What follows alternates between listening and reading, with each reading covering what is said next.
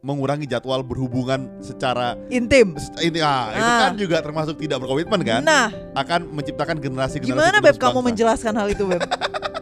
Padahal gue udah minta. gue yang minta. Jadi, Enggak bercanda bercanda. jadi oh enggak, yang ini bener, yang ini bener.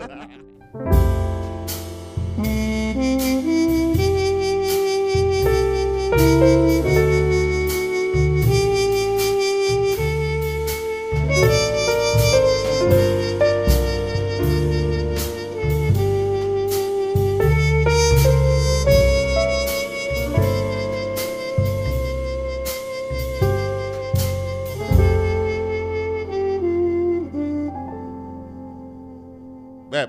Yes. seumur umur baru kali ini kayaknya sebelum kita mulai podcast kita membuka jurnal ilmiah. Bisa Atau- dibilang betul, betul. atau- Selama ini cuma riset-riset doang ya dari internet. Betul. Tapi kali Atau- ini kita benar-benar riset dari Journal of Marriage and Family. Jurnal internasional, Beb. Luar biasa. karena karena gini teman-teman karena gini kalau kita ngomongin soal komitmen Ya. biasanya tuh panjang Iya, jadi ketika ngomong soal komitmen eh, faktornya ada banyak. Makanya kita pengen memastikan data yang kita terima tuh benar. Nah, nah karena hari ini kita ngomong soal komitmen Nah. apa itu komitmen beb? Iya dong. Apa itu komitmen? Oke, komitmen menurut aku itu em, sedikit banyak itu berhubungan dengan kedisiplinan. oke. Jadi dalam artian gini, ketika nih ya, lu mau latihan belajar instrumen, lu latihan piano, pasti ada masa-masa di mana lu bosen.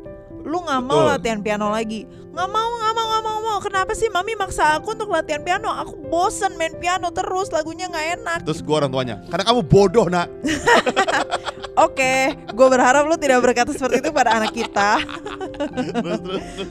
Tapi kan basically yang orang tua mau adalah ya udah coba aja latihan lagi latihan lagi gitu kan. Bukannya terus kemudian ya udah deh kamu quit aja. Enggak dong, Mm-mm. kita mau dia komitmen. terus Baik itu lagunya nggak enak, mau itu tekniknya susah, mau dia bosen, pokoknya lu terus jalanin dan disiplin dan latihan sampai lu bisa main tuh lagu misalnya atau apa pun tujuan lu latihan piano lah gitu ya. Sama juga dengan marriage, dengan pernikahan. Hmm. Jadi komitmen atau kesetiaan menurut aku adalah gimana kamu bisa bertahan dan eh, apa ya eh, setia gitu loh ya. Jadi tetap memilih untuk membela suami kamu di dalam situasi dan kondisi apa pun. gila kamu Tentu- gua loh ini. Tentu kondisi dan situasi yang benar loh ya. Hmm. Maksudnya maksudnya dalam artian ketika misalnya dia gabung dengan ISIS ya mungkin ya itu beda cerita, Beda cerita, gitu ya beda kan. cerita, beda Tapi cerita. selama dia maksudnya tidak eh, melanggar norma-norma agama atau peraturan-peraturan, ya lu setia. Gokil. Gitu, itu kamu kan, mengambil jawaban aku tuh namanya Masa sih? iya dong Gua nggak nyontek loh. kira Enggak, berarti kita emang udah menyatu daging beb dan jiwa. Benar dan dan kalau gue mau nambahin sedikit adalah menurut gue setia tuh adalah memang memilih bertahan karena sering kali orang kalau dia bilang eh, nggak setia nih nggak lah gue udah nggak cinta lagi gitu Ya, ya. maksud gue memang lu memilih untuk cinta terus kan gitu maksud gue Betul. bukan soal tidak tapi emang memilih untuk gitu loh Kayak Betul. piano memilih untuk latihan Betul. memilih untuk jadi setia tuh memang lu memilih dan dalam Iya. sebuah pilihan kan ada konsekuensinya Yes. dalam pilihan tuh kan ada effortnya makanya sering kali Betul. eh, sekalipun ya kan kita punya kasih walaupun walaupun istri gua nih suka nggak lucu gitu walaupun istri gua nih old soul tua banget mentalnya nah Wow. gua memilih untuk cinta sama istri gua Oh. jadi sekalipun teman-teman kalau lihat ya gua kalau jalan sama bini gua nih dikira gini eh, Budi jalan sama tantenya gitu kan Beb, orang bilang. Emang beneran itu? Wah, lu kebangetan, Beb. Terus lo jawab apa? Iya nih tante gue. Ah, itu lebih parah lagi tuh, Beb. Bukan lu ngebela gue, Beb. Lu nggak setia dan tidak komitmen berdasarkan definisi kita, Beb. tapi tapi teman-teman kalau mungkin kita jalan kalian ketemu kita mungkin baju kita emang beda banget. Jadi kalau lihat buat celana pendek kaos something jaket mungkin ini yang necis-necis. Emang tipikalnya begitu kan? Betul. dulu waktu pacaran sih gua nggak merasa dia setua ini. Setelah sekarang gua udah jadi tua banget ya? Mungkin muka sih nggak tua. Mungkin, mungkin. penampilannya tua banget. Nah gue bilang gini teman-teman ketika ngomongin soal setia berarti tuh lu memilih Yes. Gitu. Memang lu lu lu memilih untuk bertahan nggak enak. Yes, Sekalipun kita berantem banyak dan ribut-ribut dan macam-macam tapi kan kita memilih Yes. untuk setia gitu. betul. Kalau yang minta maaf duluan sih ya beda-beda tergantung siapa yang lagi waras aja gitu. Nah, tapi betul. kalau memilih setia dua-duanya memilih. Iya betul. dong. Yakin banget lo, Beb. Ben, ih soalnya udah udah jadi satu buntut kan. Yakin banget gue setia sama lo, Beb. Ah, Ah, kalau itu belum tentu sebenarnya. Tapi teman-teman, nah karena kita ngomongin soal topik yang serius ini, akhirnya Mandy mengeluarkan kemampuan dia sebagai dosen, dia Ush. buka pakai email dia, dia buka jurnal. Beb, Oh, sebutin jurnalnya, Beb. jadi kita buka Journal of Marriage and Family Nah, yang diterbitkan Mei 2001 Eh. gitu ya. Oke. Ya, jadi mengenai ini judulnya ya, Why is the divorce rate declining in Indonesia? Boy. Jadi kenapa presentase orang bercerai itu sangat turun di Indonesia? itu tahun berapa? 2001. Berarti dia riset dari sebelumnya ke tahun Iya. 2021 kan? Betul. Iya. Jadi dia riset eh, grafiknya sih yang ditunjukkan adalah dari tahun 1940. Hmm. Itu estimasi yang di 1940. Yang yang memang jelas ada, maksudnya eh, apa grafiknya itu jelas ada itu dari 1952 up until 1991. Dan memang kalau kalian ngelihat grafiknya sangat tinggi banget. Jadi maksudnya kemungkinannya kemungkinannya dari 0,04 menjadi 0,00 sekian Hmm. which is jauh loh ya dari ada angka 4 menjadi 0,0000 sekian gitu loh jadi sangat eh, apa landai banget gitu dari awal 1900 pertengahan sampai menuju abad ke-20 itu. Setelah, setelah 20 itu lain cerita, tapi kita akan bahas Iya, yang dulu. Kan itu gue bener. generasi orang tua kita sebetulnya. Betul, betul. Kalau generasi yang kita sekarang merit kan mungkin beda ya. Iya, apalagi Generasi- secara pandemi Covid, Ya, ya kan ya, we itu- never itu know. beda data, betul. Benar. Apa Beb dari data itu Beb? Nah, kalau menurut sini adalah karena eh, perbedaan edukasi gitu Ini ya. kenapa orang bercerai gitu ya? Eh kenapa orang selingkuh ya? Oh, enggak, ini eh, bukan. Kenapa orang bercerai? Kenapa orang bercerai? Orang bercerai. Jadi kemungkinan kenapa orang tidak bercerai gitu ya adalah karena mereka sudah mulai em, apa? Secara kehidupan sudah lebih baik. Jadi udah orang bekerja gitu ya. Jadi employment rate-nya lebih bagus. Kemudian mereka menikah di usia yang cenderung lebih tua Iya. gitu ya dan kemudian mereka juga punya eh, pendidikan yang lebih bagus. Beb, berarti dengan kata lain jawabannya begini. Sekolah lu jangan goblok nanti gedenya cerai gitu kan maksudnya kan. Bisa dibilang, bisa juga, bisa juga. Nah, yang kedua nih kan eh, Mendy akan bahas beberapa alasan kenapa orang tuh tidak komitmen gitu kan.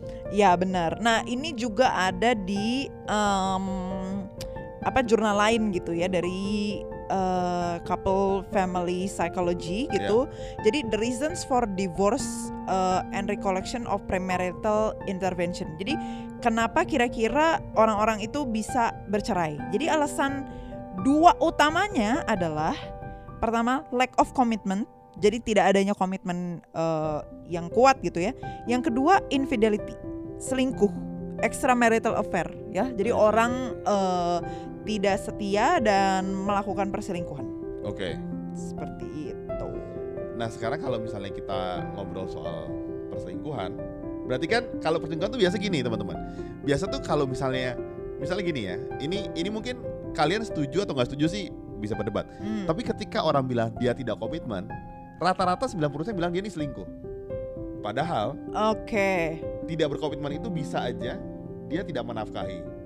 bisa, Pertama. Bisa betul. juga dia lebih peduli sama anaknya dibanding sama istrinya. Bisa juga, Iya kan? bisa juga dia lebih peduli sama pekerjaannya Dibanding sama keluarganya. daripada keluarganya. Bisa Dia juga. dia nggak mau selingkuh maksudnya. Cuman Betul. emang dia merasa enggak lah gue udah nggak nggak suka di rumah, gue lebih suka kerja. ketemu Ya teman gue," gitu. benar-benar. Jadi kadang-kadang teman-teman, gue mau bilang bahwa tidak berkomitmen itu bukan berarti kalian tuh Selingkuh. selingkuh. Ada Betul. banyak faktornya. Sekalipun gue tahu mayoritas ketika orang bilang dia nggak komit, berarti dia eh, Selingkuh. selingkuh gitu. Betul. Kadang-kadang kan bisa aja, misalnya dia udah janjian liburan nggak jadi liburan kerja, Iya. atau dia udah janji apa dia nggak ikutin sama Iya juga. benar. Jadi menurut gua faktornya ada banyak. Tapi let's say kita bahas hari ini soal dia selingkuh, dia nggak berkomitmen karena dia selingkuh. Ya, Gitu kan? oke. Oke. dari gue ya, dari gue ya. Wow, Nah, dari gue ya. boleh Beb. Karena kan gini, karena kan gini. Karena kan nanti kamu takut gue curi jawaban dulu lagi. Benar, benar. Nah, Jadi kan teman-teman gini. em, buat pasangan yang udah menikah, kita menikah berapa tahun sih? berapa ya? Kayaknya udah mau- tahun ya? Kayaknya udah 23 Kayaknya udah mau tahun. empat deh. ya. Mau 23 tahun kita menikah. Enggak sih, belum. Ethan aja baru setahun. Jadi kan menikah 4 tahun gitu ya. Em, di tengah lika-liku pernikahan ini kan muncul banyak desire-desire untuk tidak komitmen. ah, Misalnya eh, memilih eh, untuk mengurangi jadwal berhubungan secara intim. ini ah, itu Ah. kan juga termasuk tidak berkomitmen kan? Nah, Akan menciptakan generasi-generasi gimana penerus Beb kamu menjelaskan hal itu Beb? Padahal gue udah minta. gue yang minta. Jadi Enggak bercanda bercanda. Jadi, oh enggak, yang ini bener, yang ini sih bener. Jadi kan ada, menurut gua ada dua alasan kenapa biasanya laki-laki tuh memilih untuk tidak berkomitmen tanda kutip selingkuh Ah. gitu ya. Yang pertama tuh menurut gua power. Oke, Maksud why? power apa? Bilang gini, teman-teman gini. Kalau misalnya di rumah tangga istri lu lebih punya power pasangan lu. Gue laki-laki ngomong kayak Oke. gitu. Kayak merasa dia lebih dominan, Oke. lebih- bukan bukan woman on top ya, mungkin dominannya di sisi lain ya. Dominannya Jadi mungkin ini maksudnya eh, dari sisi laki-laki ya? Betul dari sisi laki-laki. Jadi mi- misalnya eh, si ceweknya nih di rumah semua dia yang ngatur. Udah kamu gini ya, kamu gini ya, semua dia yang ngatur. Kemudian Oke. dia dia tidak punya otoritas apa-apa, selalu ditanyain mulu di mana-mana. Kayaknya nggak ada nggak ada rights yang sangat kuat bagi laki-laki. Oke. Nah dia pasti akan mencari rights di tempat lain, di tempat kantornya yang dia punya power. Makanya menurut gue nanti Mandy bisa bisa tambahin dengan datanya dia. Oke. Laki-laki yang punya power di kantor kemungkinan selingkuh lebih tinggi karena dia merasa dihargai sama orang lain dan biasanya orang lain tuh bawaan dia tuh perempuan biasanya Oke. entah sekretarisnya entah mungkin divisi HRD apa atau segala macam yang dia bisa perintahin jadi ketika dia punya power lebih dan eh, perempuan itu memberikan eh, respon bahwa oh ya lu pimpinan gue gue respect lu nah itu tuh sering kali muncul dari situ selingkuhnya I see. Ka- eh, karena menurut gue eh, power tuh sama buat laki-laki tuh sangat signifikan efeknya ya dia merasa Oke. em, penting banget kalau orang sampai dia merasa dia tidak punya power di rumah tangganya dia it's big deal buat dia gitu Oke. makanya em, buat gue power tuh jadi alasan yang lumayan signifikan buat laki-laki makanya kalau kalian berumah tangga gitu ya atau lagi pacaran ya nggak berarti laki-laki punya power tuh bisa ngapa-ngapain aja juga enggak tapi tapi eh, kadang-kadang kalau dia ngambil keputusan atau ngobrol bareng ya biarkan dia ngambil keputusan gitu maksud gue. Kalau dia ngaco banget ya lu bilangin baik-baik gitu. Tapi kadang-kadang kalau belum punya pertimbangan terus lu udah berargu banyak hal gitu ya mungkin dia malas lama-lama gitu. Hmm, mungkin ini berlaku kan ini kan gue yakin kejadiannya pasti tahunan ya nggak cuma satu dua kali Oke. 15 tahun 20 tahun lu nggak pernah appreciate opininya dia lu nggak pernah hargai yang dia bilang Oke. nah itu biasanya dia jadi begitu Oke. Em, coba berarti in in summary berarti maksudnya ketika laki-laki itu tidak mendapatkan eh, eh, opportunity untuk exercise power at home, dia akan mencari itu di luar. Iya. Begitu bukan? Iya. Oke. gua gua rasa ini em, kadang-kadang kalau kita ngomong gini tuh jadi ini ya jadi gender apa ya Gender bias iya ya. jadi gender bias kan kayaknya seolah-olah tuh begitu tapi Laki-laki gitu banget gitu betul ya. tapi menurut gue itu kayak kayak nature-nya laki-laki tuh begitu eh, rata-rata ya gitu bukan berarti wanita nggak boleh punya karir tapi mungkin misalnya gini ya wanitanya lebih pinter gitu ya Iya, lebih cerdas kan ada ya wanita lebih cerdas di finansial lebih cerdas di mana biarkan dia ngutarain pendapatnya dengan sombongnya laki-laki. Terus baru lu kasih tahu.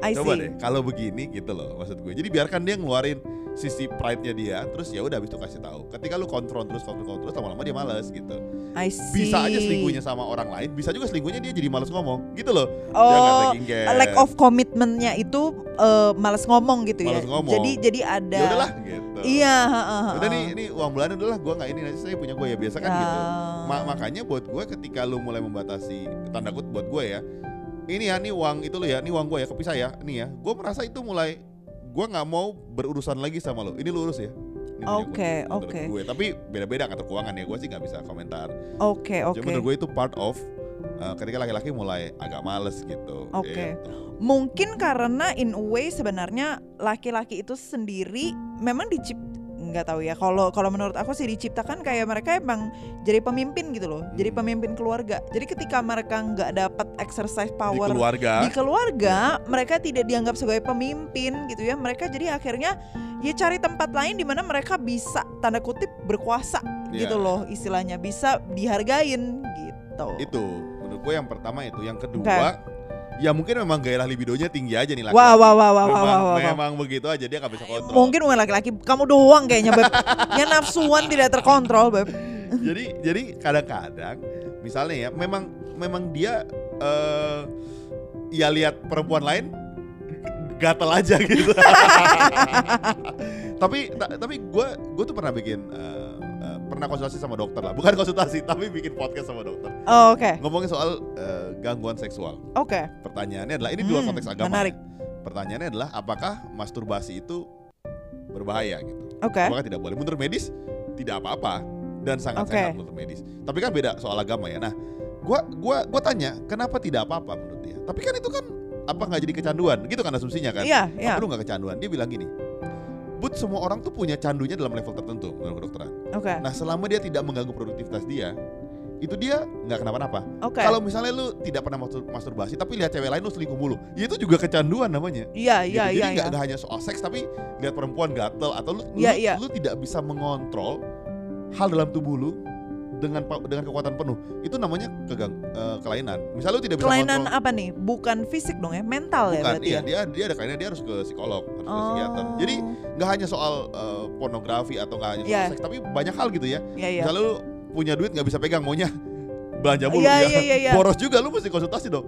kenapa gue kayak gini ya Habit lu kok buruk gitu. Entah masa lalunya gimana, betul atau macam-macam. Jadi sering kali bukan soal em, ngerti nggak? Kadang-kadang memang ketika libido dia berlebihan, ya dia mesti konsultasi atau ada hal-hal yang mungkin menyimpang gitu. Tapi kalau misalnya em, karena kan gini, gairah seksual itu kan sangat normal ya semua orang punya gitu. iya betul Tapi ketika lu nggak bisa ngontrol, nah dia dia keluar setiap ketemu orang harus dipacarin kan jadi artinya ada hal yang menyimpang. Iya iya iya, itu sama aja kayak misalnya lu oh apa ini untuk berlaku kayaknya nggak cuma untuk seks sih ya, tapi banyak hal sebenarnya kayak tadi kamu bilang kontrol dalam memakai uang, Ya, kontrol dalam misalnya makan, kontrol dalam melakukan misalnya kekerasan secara eh, fisik misalnya kayak gitu ya.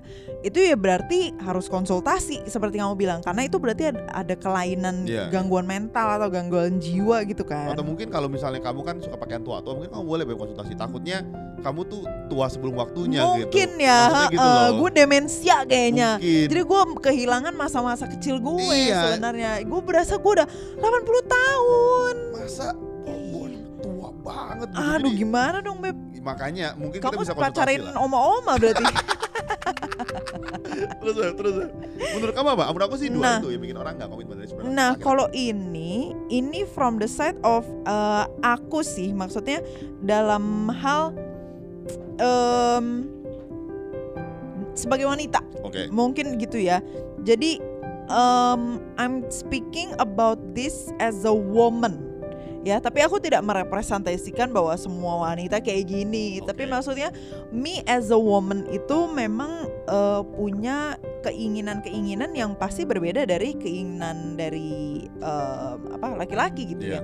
Karena the way we view seks sendiri, kita memandang seks sendiri itu berbeda gitu Wah, apa nih bedanya? mungkin nih? Buat laki-laki itu lebih kepada apa ya aku sih pernah baca laki-laki itu lebih kepada kayak eh, pemuasan gitu ya Gairah kayak seksual. gairah eh, eh, kayak eh, melihat wanita kayak sebagai objek seksual gitu ya tapi kalau wanita itu lebih melihat sebagai kayak em, kasih gitu ya kayak attention kayak ini gue caring banget nih gitu gue Hmm. disayangi atau gue menyayangi jadi gue mau Jadi gua mau gitu. Eh, eh, lebih lebih kayak gitu gitu.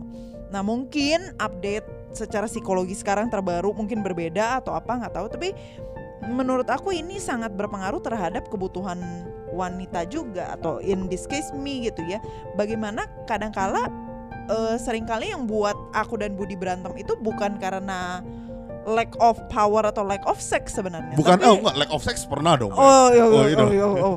Oke next. Tapi lebih ke lack of attention gitu loh, lack lack of connection yang nggak ada di kita berdua Hmm. gitu. Jadi misalnya em, pernah gitu ya kayak kita berantem gara-gara eh, Budi fokus kerja gitu nggak bantuin gue ngejagain Ethan misalnya ngejagain anak kita jadi jadi berantem tuh kayak kok kamu sibuk kerja mulu sih gitu bantuin gue ngurus dong lu nggak ngeliat apa gue stres banget nih gitu misalnya as simple as eh boleh dong gue jagain deh setengah jam atau gimana supaya gue nggak berapi-api dan memarahi anak gue kayak kayak gimana banget gitu meskipun ya gue nggak pernah marah-marah Pernah gitu lah, banget pernah marahin pernah. Enggak, gue gak marah-marah apa gitu banget. Kalau marah ya pernah lah kalau misalnya dia bandel. Terus, Oke, nah tapi tapi maksudnya adalah eh purely maybe the way apa eh woman view sex is very different than than men gitu. Ya, Dan woman view infidelity apa Infidelity kes- ke- keselingkuhan gitu ya, ketidakpercayaan juga very very different than men. Karena kalau kayak tadi kamu bilang eh, kamu mencari kayak untuk exercise power gitu kan. Tapi kalau aku misalnya gitu ya, kalau selingkuh eh, itu bukan untuk exercise power, tapi karena gue nggak dapet kasih sayang dari laki-laki gue gitu. Biasanya gitu, kayaknya perempuan gitu kayaknya. Iya, nah makanya nggak tahu gue gue sih mau sedikit kayak uh, the basis of this uh, mau sedikit ke religion kali ya karena gue nggak bukan orang psikolog dan nggak belajar psikolog tapi maksudnya dari kita sendiri Tuhan mengatakan bahwa untuk uh, cowok untuk apa perintahnya mengasihi Hmm. ya kan kasihilah istrimu karena memang kebutuhan wanita atau istri-istri ya di, butuh Dikasihi. nah sedangkan perintah kepada istri kepada suami apa hormatilah Hmm. ai- eh, suamimu bukan kasihilah suamimu karena sebenarnya wanita itu memang pada dasarnya mengasihi tapi untuk memberikan respect hormat membuat ruang mereka untuk exercise power itu sulit gitu. Kita sulit tunduk kepada suami kita gitu. Makanya disuruh sama Tuhan Hei istri-istri hormati suami kamu gitu. Jadi mungkin itu kepada natur keberdosa, keber- keberdosaan kita sendiri. Karena misalnya yang laki-laki itu eh, butuh latihan dalam mengasihi istrinya dan istri butuh latihan untuk menghormati suaminya Ah, kayak wih, luar gitu biasa. hebat Kita kan gue dengan doa aja lagi kali ya. Hebat banget luar biasa ini Nah, gue mau bahas em, tambahan. Maksudnya gini, teman-teman, ini personally buat gue. Gue gak tahu buat kalian dan buat Oke. pasangan-pasangan lainnya. oke Buat gue, komitmen tuh sering kali dilambangkan dengan simbol yang terlalu berlebihan. oke Jadi misalnya gini, misalnya em, paling gampang ya simbol komitmen itu kan cincin. Karena cincin itu Oke. kan bentuknya circle, tidak pernah putus, gak ada sudutnya. Mereka tuh circle sehingga oke eh, cincin pernikahan tuh bagus gitu. Cincin pernikahan tuh yang ada tulisannya nama dan tanggal gitu gitu kan sering terjadi kan. Dan oke gue juga bikin juga, jangan lu karena gak bikin, gue juga bikin gitu. oke Nah, gue dan Mendy sama-sama bikin. Di hari per- empat pernikahan kita cincin kawin Mendy hilang. wow Dan gue Oh, hilang berapa kali beb ulang dua kali. Terus ah, bukan, terus habis itu dia minta bikin lagi. Ya udah kita bikin lagi. Kita cari dia mau ada diamond kita beli. Ya. Habis itu kalau kita beli rusak, lepas. Diamondnya gue gak tahu ada atau enggak tuh pokoknya. Nah cincin kawin gue masih ada dan itu tidak pernah gue pakai. Terus Ya. katanya, kok lu nggak pakai sih? Ya karena nggak sesuai sama outfit gue. Gue bilang gitu kan jadi gue pakai. Kalau menurut gue cocok outfit gue. Kalau gue nggak pernah pakai, gue taruh aja. oke Terus eh, kan orang jadi lihat, kok apa cincin kawin sih, apa cincin kawin sih? Awalnya Medi suka nanyain gue, lama-lama mungkin udah males dia nanyain gue. iya Nah karena buat gue simbol-simbol itu apa namanya retorika-retorika itu buat gue tidak terlalu penting gitu. Kadang-kadang kita tuh punya banyak retorika yang menggambarkan kesetiaan sehingga kita nitik beratkan sama itu. Oke. Ketika itu nggak ada kita merasa kok lu jadi nggak setia sama gue sih? Oke. Atau eh, lu merasa yang lu pakai itu menandakan lambang kesetiaan lu gitu. Jadi lu Oke. merasa ini jadi kesetiaan lu padahal menurut gue komitmen lu itu munculnya di hati lu. Ya. Dia tertulis diukir di loh hati lu. Halah, luar Jadi- biasa Ja- jadi maksud gue kalau kalian memberikan eh, penanda simbol sama suatu benda which is okay. Ya. karena gue juga suka gitu Ya. penanda something. Tapi itu tuh tidak berguna apa-apa karena itu tidak merepresentasikan komitmen atau hal apa pun di hidup lo. Iya gitu. Sama kayak setuju. barang yang lu pakai baju lu tidak merepresentasikan siapa lu kekayaan lu kebaikan hati lu dan semuanya. Ya, jadi yang melekat di lu tuh cuman lu pakai aja kebetulan. Ya. makanya buat gue eh gua nggak terlalu nitik beratkan sama simbol. Gua nggak terlalu gimana gimana sama yang namanya cincin kawin kalung whatever sesuatu atau apa pun berhubungan sama kesetiaan. Karena buat gue perlakuan gue ke bini gue dan ke anak gue menurut gue itu lebih penting. Sekalipun gue sama bini gue Oh, so sweet. sekarang gue sama bini gue jarang bilang love love kan dari dulu emang gue lucu kan biasa kalau gue sayang sama dia tuh gue bercandanya banyak banget ngeledekinnya banyak sampai dia kesel Aduh. Nah, Ah. itu biasanya gue lagi gemes banget tuh Ah, biasanya jokes gue tuh full banget tuh biasa gue lagi Nah, main banget ya. sampai pol banget. iya Berarti kalau dia tingkat keisangannya lagi tinggi, berarti tingkat kasih sayangnya juga lagi tinggi tuh. biasanya gitu kamu ada mau tambahan nggak soal gimmick-gimmick ini atau hal yang kamu tambahin lagi soal kesedihan Tapi em, mungkin sebagai kayak kata-kata eh, tadi seperti yang ibu eh, ibu Budi Budi bilang itu benar banget sih tentang kayak simbol-simbol. Tapi lebih daripada itu kita juga harus eh, tahu bahwa love is not a feeling, it's Ya, a ya. commitment Ya. sebenarnya. Jadi em, ketika orang bilang, aduh, gue mau cerai sama dia karena gue nggak rasa sayang lagi sama dia. Balik lagi ke tadi yang aku bilang soal komitmen dan kesetiaan. It's not a feeling of love gitu loh, bahwa it's not a feeling of um, wanting to, uh, I don't know, shower in love atau something gitu ya. Tapi it's a commitment. It's a, a statement bahwa gue akan setia, gue akan tetap membela dan gue akan tetap eh, berada the biggest supporter for my husband atau for my wife gitu di dalam situasi kondisi apa pun. Even di saat misalnya kalian berbeda pikiran berbeda em, apa pun lah ya em, dasar pemikiran atau berbeda keputusan gitu. Nah bahkan di saat-saat momen seperti itu justru kesetiaan kita yang paling diuji Loh. atau kita punya kesetiaan paling eh, terlihat apakah benar-benar setia atau tidak. Hmm. Iya. jadi kata kuncinya adalah love is not a feeling it's a commitment Yes. Nah, jadi tapi sepertinya kita nggak bisa komitmen sama kalian karena kita harus melakukan aktivitas lainnya gitu. Di mana komitmen kita satu sama lain, ah, mungkin make another babies gitu ya, Oh, or make oh, wow. brother or sister, even Wow. sibling. Jadi mari kita hentikan komitmen ini. Buat teman-teman yang mau ngobrol sama kita, kalian bisa eh, email kita di pilotokpodcast.id@gmail.com atau bisa DM kita ke mana pilotok.podcast. Jadi sampai sini aja. Sampai ketemu minggu depan. See See ya. Kalian tahu nggak sih rahasia bagaimana kita berdua bisa bikin konten setiap minggunya secara rutin? Ternyata rahasianya ada di Nasi Padang. Jadi, gengs, tiap kali si Budi itu makan, Nasi Padang. Dia punya kemampuan berpikir dan kreatif itu semakin meningkat. Jadi, kalau kalian mau beliin kita, Nasi Padang. boleh ke Karyakarsa.com slash pilotok ID. Tenang aja, aku kalau nasi Padang tuh murah kok. Nasi, sayur sama kuah, paling 10 ribu. Iya, karena kemampuan perut Budi akan bertambah dengan cepat kalau dia makan karbohidrat aja. Jadi, jangan lupa ke karyakarsa.com slash pilotokid untuk support kita ya.